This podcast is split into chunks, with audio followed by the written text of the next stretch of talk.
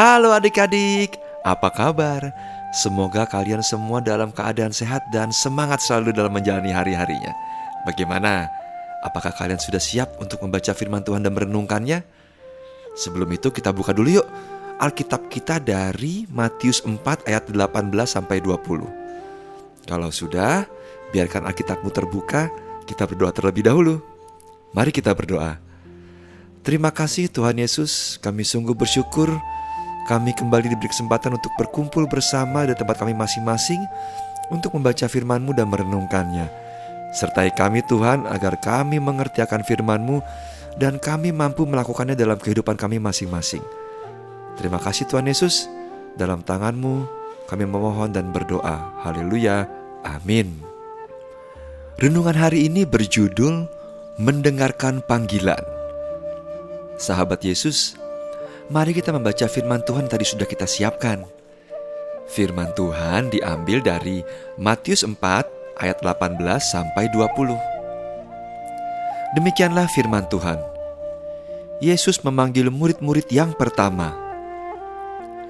Dan ketika Yesus sedang berjalan menyusur danau Galilea, ia melihat dua orang bersaudara, yaitu Simon yang disebut Petrus dan Andreas saudaranya mereka sedang menebarkan jala di danau, sebab mereka penjala ikan. Yesus berkata kepada mereka, "Mari, ikutlah Aku, dan kamu akan kujadikan penjala manusia." Lalu mereka pun segera meninggalkan jalannya dan mengikuti Dia. Di suatu sore yang mendung, Mama sedang mengangkat jemuran. Tiba-tiba hujan turun Padahal masih banyak baju yang belum diangkat. Bulan, bintang, mentari, sini tolong bantu mama. Kata mama setengah berteriak. Iya mah. Jawab Bulan sambil berlari dari dalam rumah, disusul oleh mentari. Mama, Bulan dan mentari bekerja sama, sehingga cucian yang sudah kering itu tidak kehujanan. Ah, lega rasanya. Untung cucian tidak jadi basah. Kalau cucian ini basah lagi, bisa-bisa nanti jadi bau, kata mama. Eh, ngomong-ngomong, Bintang ke mana? Tanya mama.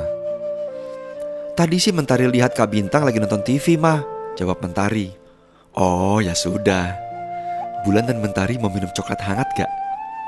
Lagi hujan begini, enak sekali minum coklat hangat. Lalu kita beri marshmallow di atasnya. Terus sambil makan pisang goreng yang tadi mama goreng. Hmm, yummy, kata mama senang. Bulan dan Mentari bergegas membantu mama menyiapkan coklat hangat dan pisang goreng. Setelah semua siap, Bulan lalu memanggil Bintang. Bintang, mau coklat hangat tidak? Teriak Bulan. Tidak ada jawaban apa-apa dari Bintang. Yang terdengar hanya suara TV. Mentari kemudian ikut berteriak memanggil Bintang. Namun tetap tidak ada jawaban. Mama kemudian menghampiri Bintang dan Bintang hanya menjawab, "Nanti, Mah." Sambil tetap memfokuskan matanya ke layar TV. Mama, Bulan dan Mentari kemudian duduk sambil menikmati makanan dan minuman yang hangat sambil melihat hujan di jendela. Sejam kemudian Bintang baru muncul dan kecewa. "Yah, kok coklat dan pisangnya sudah dingin?" Gak enak lagi dong, kata Bintang kecewa. Kamu sih dari tadi dipanggil gak segera datang. Bintang harusnya belajar dari murid-murid Tuhan Yesus. Ketika dipanggil langsung merespon. Jawab bulan mengejek. Bintang hanya bisa tertunduk lesu.